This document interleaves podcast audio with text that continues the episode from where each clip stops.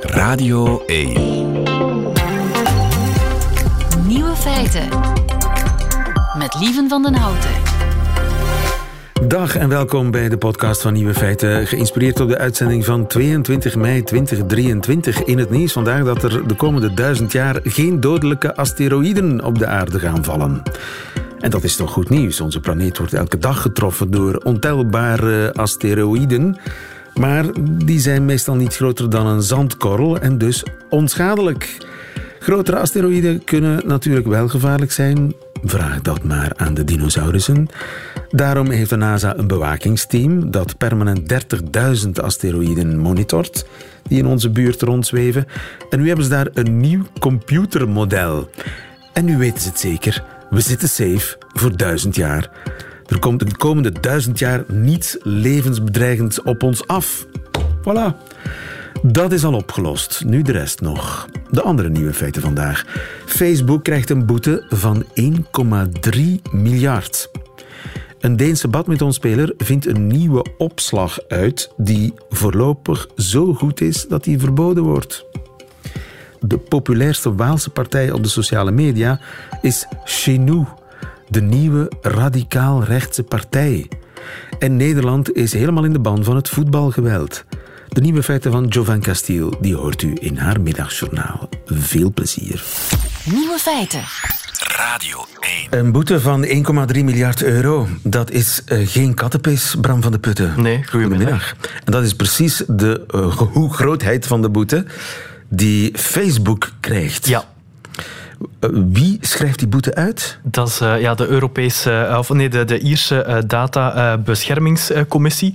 Um, elk Europees land heeft zo'n dataprotectiecommissie. Um, dat is sinds de invoering van de GDPR, nu een vijftal jaar geleden, die onze... Dus het is toch iets Europees? Maar het is iets Europees, ja. Maar elk land doet dat voor zichzelf, maar het is wel een Europese wet die erachter zit.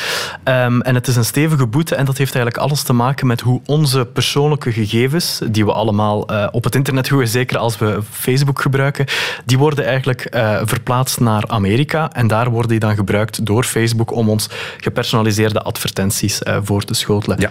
En Europa zegt ervan, ja, die zijn eigenlijk niet voldoende beveiligd, onze persoonlijke gegevens, want we weten allemaal, die Amerikaanse inlichtingendiensten, NSA enzovoort, die kunnen heel makkelijk die data misbruiken. Maar ik, ik snap nog niet zo goed waarom Ierland hier in actie is geschoten. Omdat uh, de, de maatschappelijke zetel van Facebook in ja. Ierland zit in Europa. Dat Wegens- heeft alles met belastingen te maken. Wegens fisca- Ja. Om fiscale redenen. Ze moeten daar weinig belasting betalen. Maar dus worden ze daar natuurlijk ook eh, ja, ter verantwoording Ja, geroepen. inderdaad. En ja, en dat is het hart van Facebook, toch? Informatie verzamelen en doorverkopen. Ja, dat gaat echt naar de kern van het business- businessmodel van Facebook, absoluut.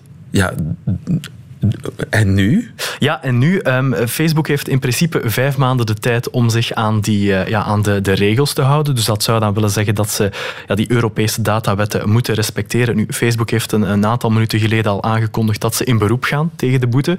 Ehm, nu, ehm, het, de speelfiguur achter heel deze zaak is eigenlijk Max Schrems. Eh, De naam doet meteen misschien geen belletje rinkelen, maar dat is eigenlijk een Oostenrijkse privacyactivist die al tien jaar eigenlijk die strijd tegen Facebook aan het voeren is, die juridische strijd om onze gegevens beter te beschermen. En hij zegt, ja, of dat ze nu in beroep gaan of niet, na die vijf maanden, ze zullen aan deze Europese regels zich gaan moeten houden. Ja, dus die gegevens moeten in Europa blijven. Kan Facebook daar een mouw aan passen? Wel, Facebook Zodanig dat ze die gegevens niet naar Amerika moeten brengen. Ik bedoel, ja, het, is, het, het, het klinkt een beetje absurd. Ja, het klinkt, het klinkt inderdaad een beetje absurd. In principe zou dat kunnen. Zou Facebook kunnen zeggen, kijk, we gaan die Europese eh, data, die Europese gegevens op Europese bodem houden, op Europese servers. En we gaan ons daar dan ook houden aan die Europese strengere privacyregels. nu, in het verleden heeft Facebook al gezegd, ja, als dat zo zit, dan stoppen wij in Europa. Want wij willen die data naar Amerika brengen. Dus dan is er straks geen Facebook, Instagram of WhatsApp meer in Europa. Nu, ik denk dat dat vooral een politiek dreigement is om Europese politici misschien iets makkelijker over de brug te laten komen met een bepaald compromis. Want leg het maar uit als politicus dat u Facebook, Instagram en WhatsApp hebt geblokkeerd uh, in Europa.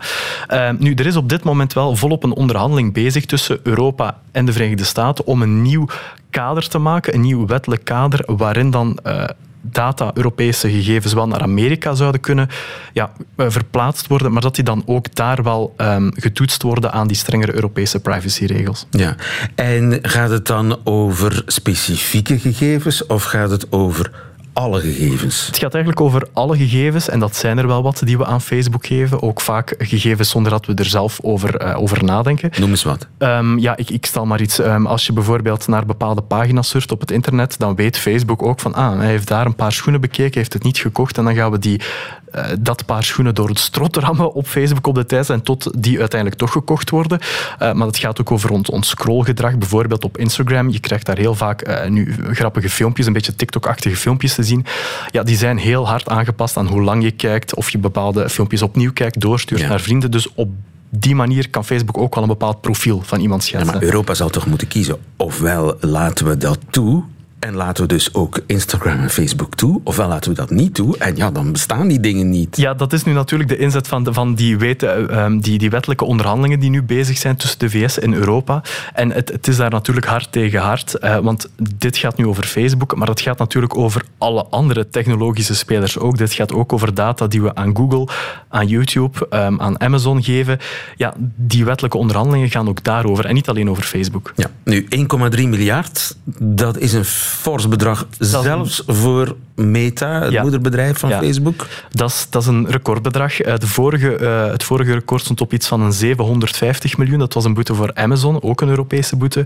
Ja, dit is bijna een verdubbeling van dat bedrag. Dus, uh, ook Gaan ze Facebook. dat voelen, stel dat ze dat moeten betalen? Wel, een, een Amerikaanse expert vergeleek het met iemand, die, iemand die een parkeerboete krijgt en die toch elke keer opnieuw weer fout gaat parkeren en ook gigantisch veel geld verdient. Dus in, als je het omzet in de totale, de totale bedragen waar Facebook over spreekt, is het een relatief klein bedrag. Ze zullen het voelen en ze zullen het niet met een glimlach op het gezicht betalen. Maar uh, het is niet dat dit nu een boete is die, die Facebook ongelooflijk veel pijn kan doen. Bram van de Putten, dankjewel. Nieuwe feiten.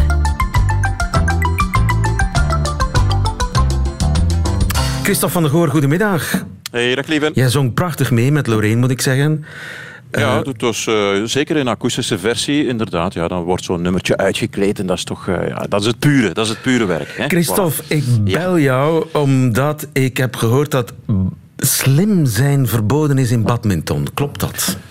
Ja, want er is een, uh, een badmintonner, een uh, Deen, die heeft een nieuwe opslag uh, bedacht. En daar heeft men absoluut geen antwoord op. De tegenstand weet niet wat daarmee gedaan. En het is zelfs zo ver gegaan en gekomen dat de Internationale Badmintonfederatie een tijdelijk verbod op die nieuwe opslag heeft opgelegd. En eind mei komt er een grote vergadering. Dat gaat dus niet meer zo lang duren om te zien of dat verbod zal gehandhaafd blijven of niet. Maar het is, het is briljant wat die Deen heeft ontdekt, maar onmogelijk mogelijk, zegt men in de badmintonwereld. Maakt me nu echt daarom is heel nieuwsgierig. Marcos ja? Heet hij, geloof ik. Ja.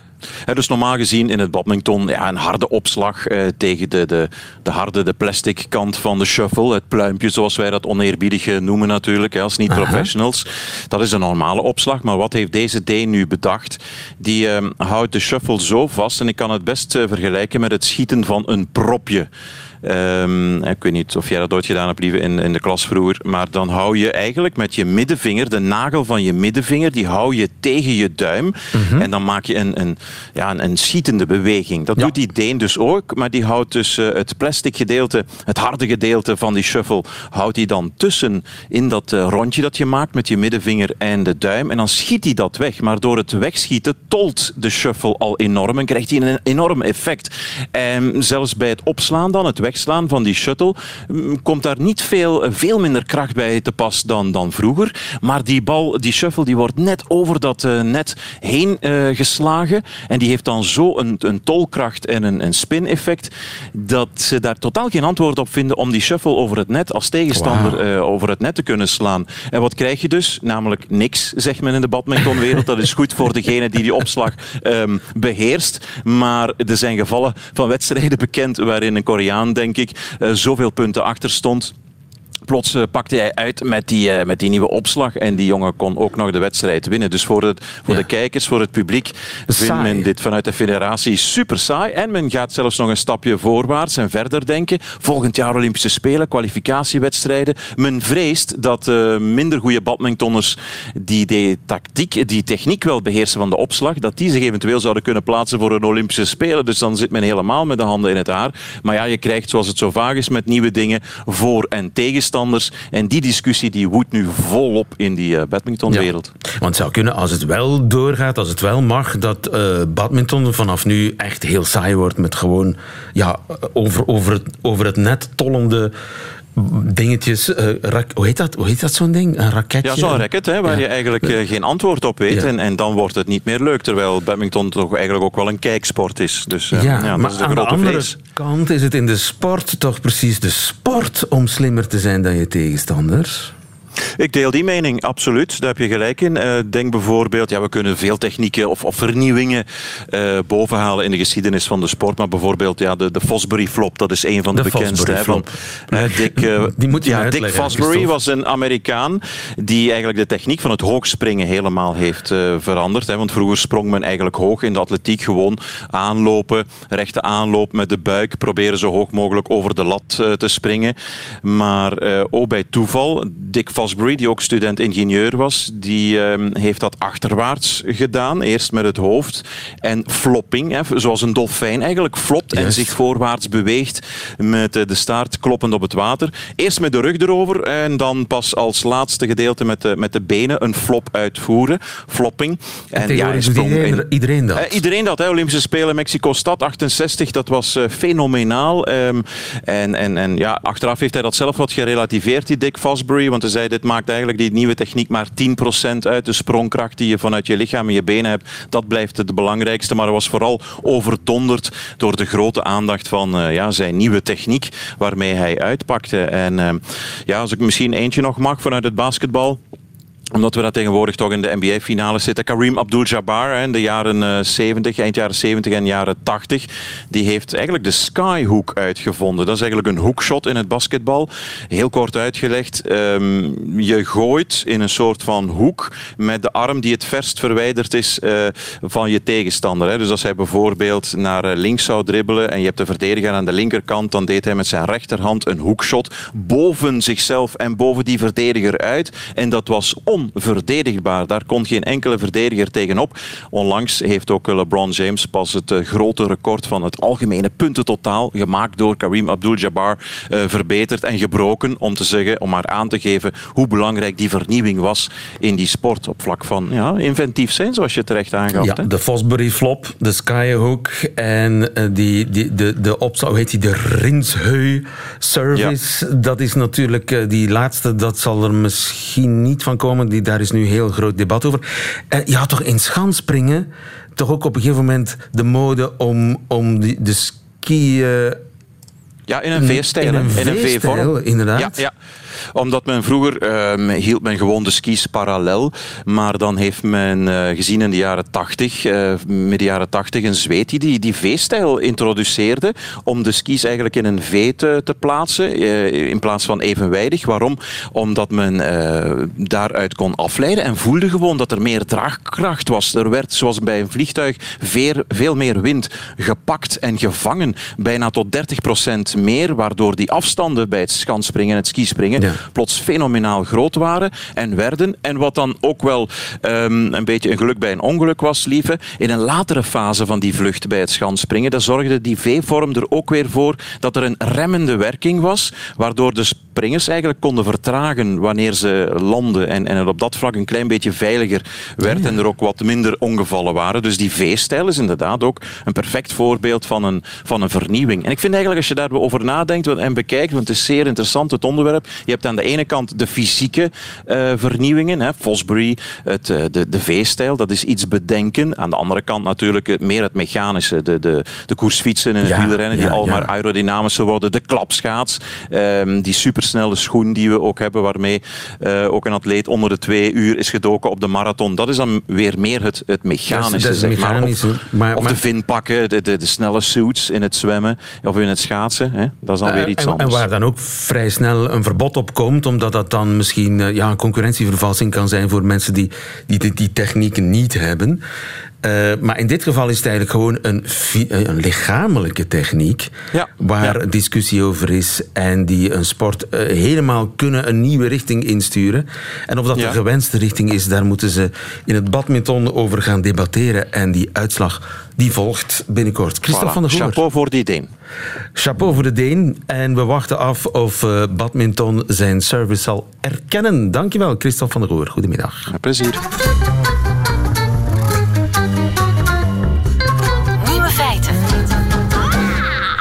Kent u de populairste Waalse partij op de sociale media? Wel, dat is Chez Nous. Chez Nous. Heeft u er al van gehoord? Ik ook niet. Maar Laura Jacobs wel. Goedemiddag, Laura. Goedemiddag. Laura, jij bent politicologe aan de Universiteit van Antwerpen. Chez Nous, ja, uh, waar ergens in het politieke spectrum zit Chez Nous? Ja, Chenou is een Franstalige politieke partij die uh, twee jaar geleden ongeveer is opgericht uh, door enkele leden van oude uh, rechtse politieke partijen zoals de Parti Populair. En dus moeten we eerder situeren in de radicaal-rechtse hoek. het is ook een partij die uitdrukkelijk gesteund is geweest door Tom van Grieken van het Vlaams Belang, ook door Rassemblement National uit Frankrijk bijvoorbeeld. Dus het is een partij die zichzelf omschrijft als een patriotistische partij met nadruk eigenlijk op behoud van de eigen tradities, normen en waarden, uh, de rol van identiteit uh, en ook stevige standpunten met betrekking tot immigratie, uh, strijd tegen islamisering en dergelijke meer. De zusterpartij van Vlaams Belang, zeg maar in Franstalig België, zijn ze voor een onafhankelijk Wallonië? Dat is een beetje een moeilijke situatie. Uh, men omschrijft zich dus als een patriotistische partij, maar niet zozeer als een nationalistische partij, omdat men daar zelf ook erkent dat dat een beetje moeilijk is. Dus men streeft ook niet expliciet naar bijvoorbeeld uh, Waals nationalisme. Dus men spreekt vooral over identiteit en zegt ook of erkent ook dat identiteit op verschillende manieren kan worden ingevuld. Dus dat is wel een verschil met bijvoorbeeld het Vlaams Belang, waar men natuurlijk wel duidelijk uh, de kaart trekt van Vlaamse onafhankelijkheid en Vlaamse autonomie. Maar men legt vooral eerder de nadruk op identiteit, het behoud van de normen en waarden die aanwezig zijn in Wallonië, bescherming tegen inderdaad buitenlandse invloeden en dergelijke meer. Ja, ja, dus het is een patriotische partij, maar uh, of dat vaderland nu Wallonië of België is, dat mag het kiespubliek zelf kiezen. Mag het ja, zo dat is althans iets ja, zo kan je dat samenvatten. Dat is iets waar ze zich voorlopig duidelijk zelf niet te hard over willen uitspreken. Misschien komt die duidelijkheid nog. Maar dat is natuurlijk ook wel een factor uh, van belang, omdat je ziet dat uh, zulke partijen vaak ook intern over zulke kwesties een beetje uh, verdeeld zijn. Ja. dus op die zin is dat wel, past dat wel in de lijn van ook ja, vorige voorbeelden uit Franstalig België. Ja, hoe populair zijn ze op de sociale media? Ja, dus het is een partij die uh, blijkt zeer populair is op sociale media, of toch vooral wat het aantal interacties en likes en dergelijke betreft. Uh, als je puur gaat kijken naar het aantal volgers, uh, valt dat nog wel mee. bijvoorbeeld op Facebook hebben ze zo'n 9200 volgers. Heb ik zo net ge, nog eens even nagekeken, wat op zich zeker in vergelijking met andere partijen, ook Franstalige partijen, niet extreem veel is. Maar je ziet wel dat het wel echt een, een pagina is die zeer actief wordt onderhouden, wat heel veel wordt gevoed met allerlei filmpjes en dat daar ook zeer veel reacties en interacties op komen. Veel likes, inderdaad. Um, dus die totale interactie maakt dat het natuurlijk uh, op die manier wel uh, ja, veel zichtbaarheid kan verkrijgen. Uh, en dus ja, sommige zaken of video's ook wel viraal kunnen gaan. maar als je echt kijkt naar de likes, ja, is het nog niet zo, allez, zo groot vergeleken bij andere partijen, maar dat kan eventueel nog wel komen. Ja, omdat ik las dat ze wel de populairste waren op de sociale media en dat ze andere partijen, zoals de PTB en de PS en zo, dat die wat, wat betreft ja, trafiek uh, ver achter zich laten. Ja, dat klopt. Dus het gaat vooral over de interacties. Hè. Dus als je kijkt naar andere uh, partijen van uh, andere uh, sociale media, van traditionele partijen, zie je dat die ook wel actief zijn, maar dat dat heel weinig likes gaat genereren of heel weinig ja. ja leeft maar zeggen. Uh, dus dat is eigenlijk wel het verschil. Ja. Uh, en dat je ziet dat partijen zich daar ook allee, heel sterk op organiseert en daar heel veel op inzet. Hè. Dus er zijn ook allemaal heel blitse filmpjes dat daarvan verschijnen. Vaak zelfs bijna live, uh, dat er zaken worden uitgezonden. ze zijn aanwezig op allerlei kanalen, zowel Facebook, maar ook op Instagram, ook op YouTube. dus dat is wel een verschil met de andere partijen. Dus dat verklaart inderdaad oh, ja.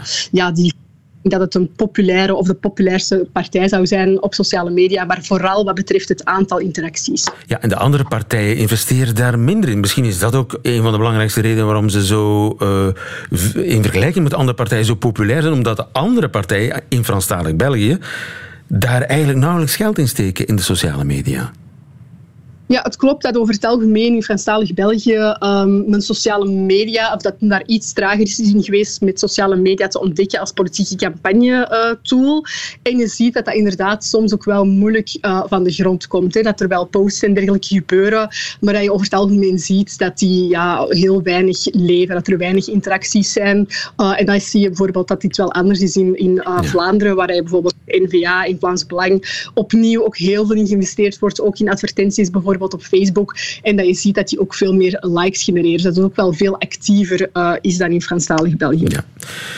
We zullen zien, uh, verkiezingen volgend jaar, of uh, de verrassing wordt. Wie weet dat uh, in Franstalig België er ook een, een extreemrechtse partij in het parlement zal zitten.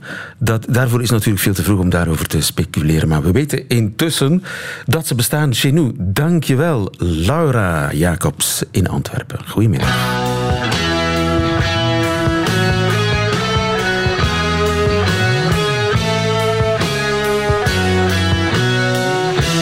Ontdekking van Nederland met Sander van Hoorn. Nee, we laten Sander van Hoorn niet los. De man die jarenlang eh, in onze opdracht België ontdekte als correspondent voor de NOS in Brussel, die intussen terug naar zijn eigen land is vertrokken.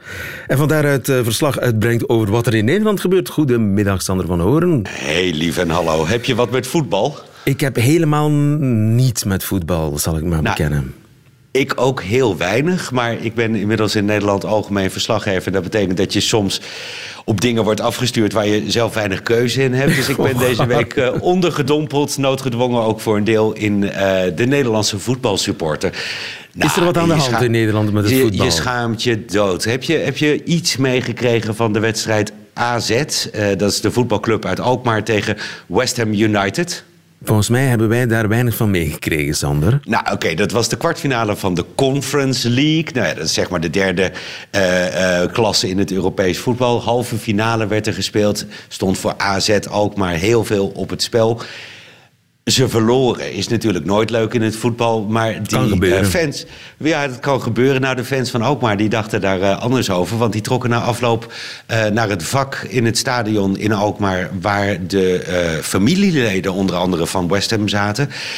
Ja, ze braken door een hek heen, lieve. Er braken gevechten uit. Het, nou ja, ik heb een compilatie gemaakt van ons eigen verslag op Radio 1 in Nederland. En uh, de verslaggevers van Radio 5 Live in Engeland. En ik kijk nu weer even richting die fans. Ja, die fans van AZ gaan nu op zoek naar uh, de ah, familie uh, en vrienden van uh, even heel kort West Ham United.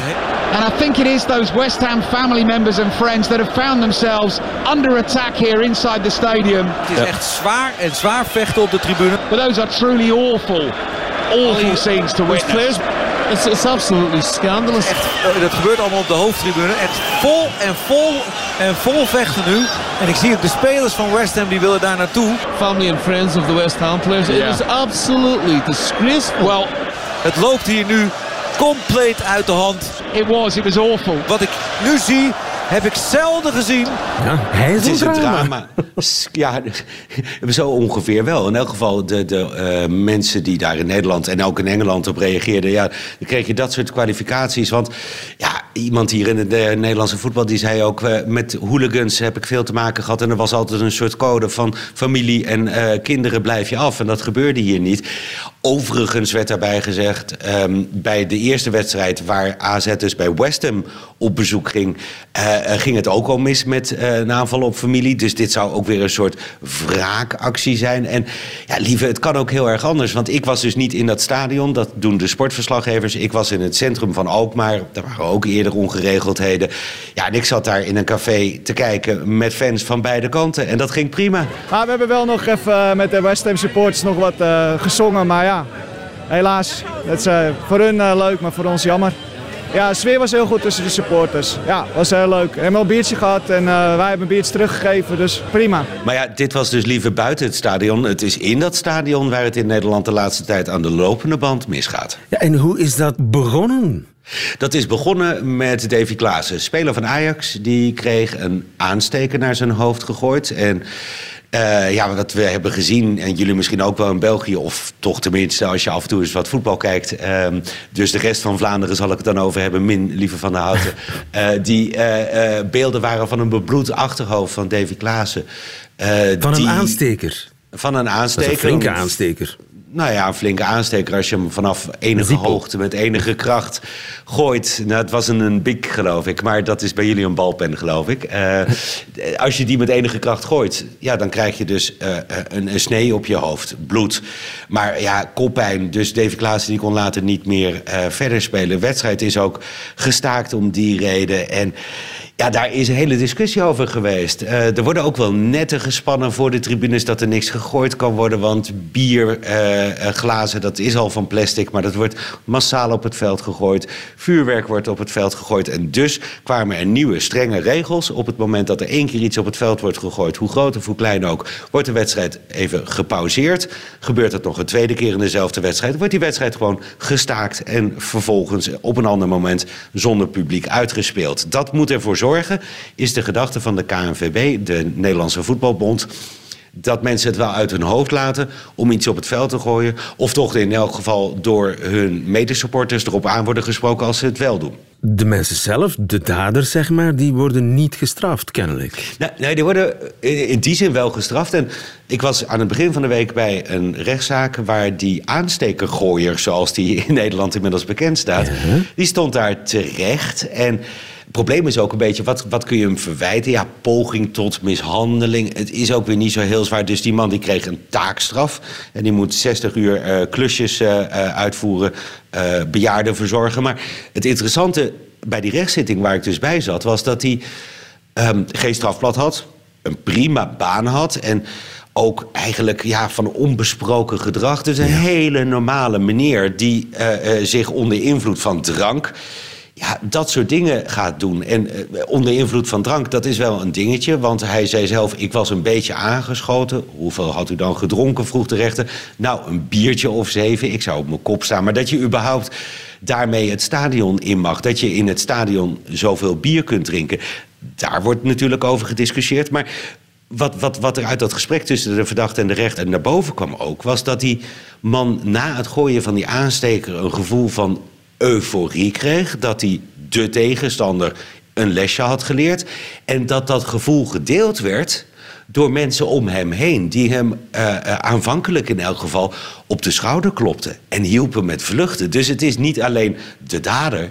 Het is de cultuurlieve. En de rechter die, die stelde dat ook vast. En, en vroeg zich vertwijfeld af: moeten we dan binnenkort naar een betaald voetbal zonder publiek? En ja, tijdens die wedstrijd dat die aansteker gegooid wat had iemand van Feyenoord, John de Wolf, had een klemmend beroep gedaan op uh, fans om zich te gedragen. En de rechter ja, die parafraseerde daarop. Tijdens de onderbreking van de wedstrijd sprak John de Wolf wijze woorden. Gebruik je verstand, riep hij.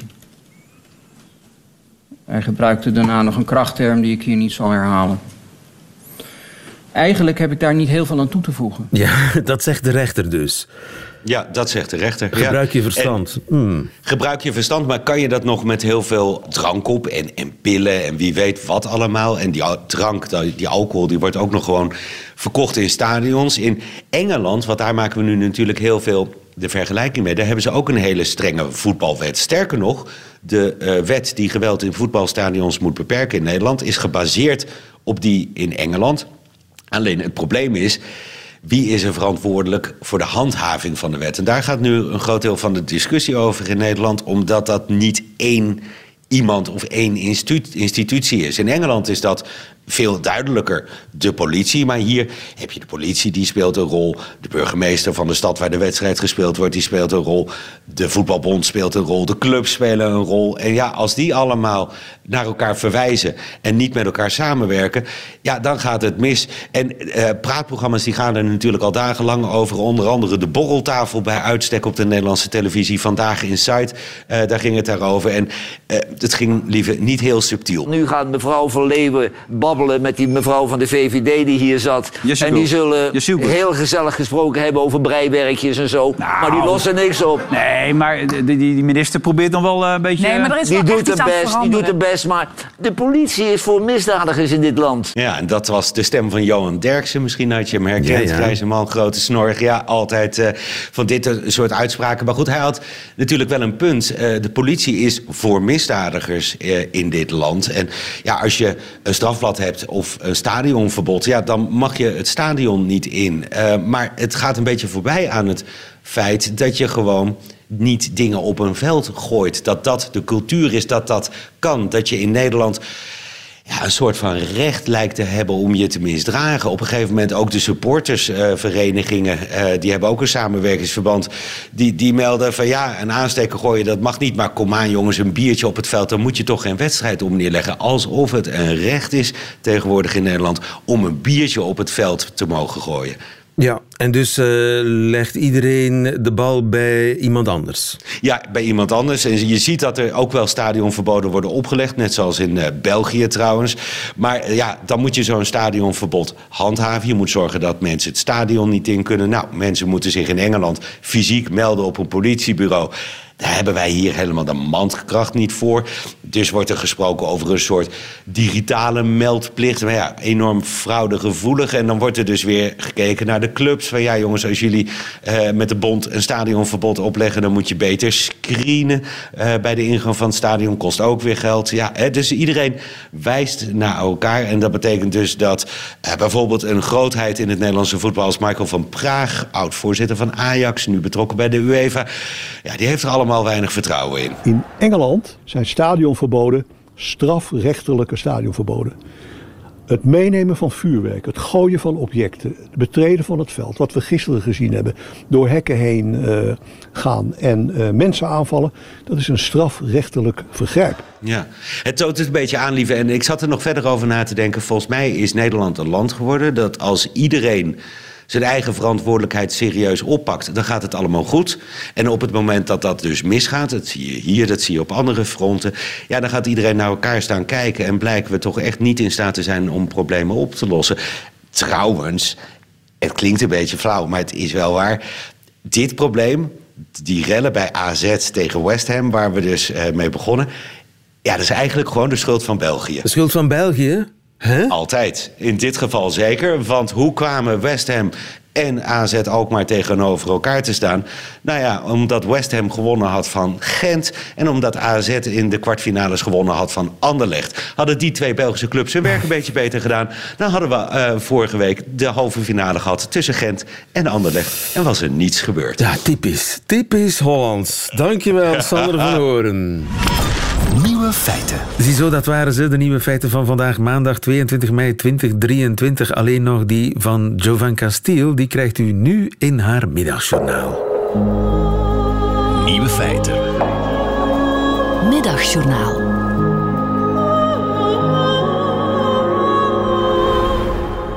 Goedemiddag. Prins Harry en Meghan Markle zijn nog eens in het nieuws.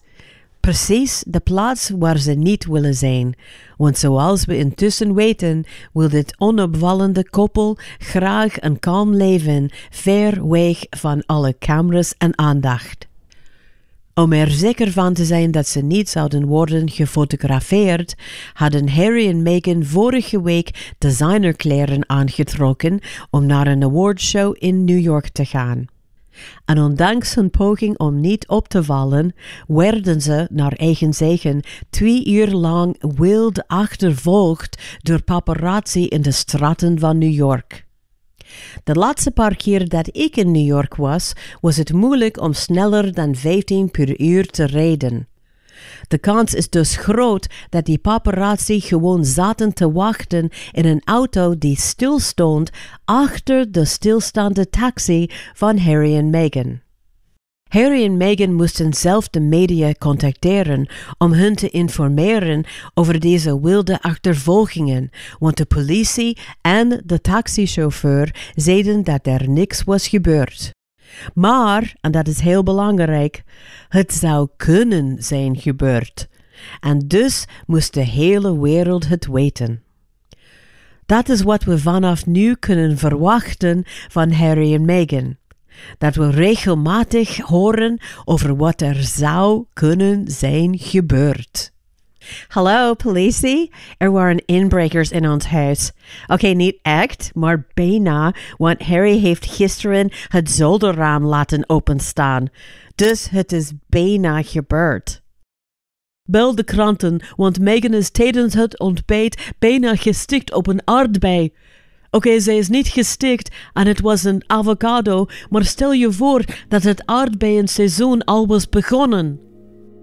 Hallo, dag allemaal, met Harry en Meghan. Er is vanavond bijna een meteoor op ons huis gevallen. Ja, we zagen in het nieuws dat er een meteoor op een koeienstal in Macedonië is gevallen.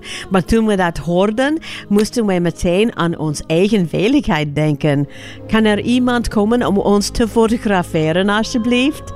Thank you.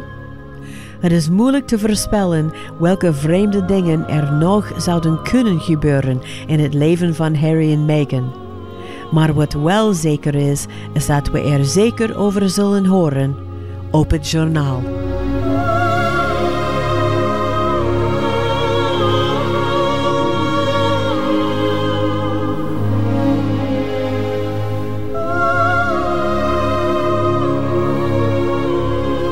Joe van Castiel in het Middagjournaal. Waarvoor dank. Einde van deze podcast. Hoort u liever de volledige nieuwe feiten met de muziek erbij? Dat kan natuurlijk live elke werkdag tussen 12 en 1 via Radio 1 of via de Radio 1 website of app on demand.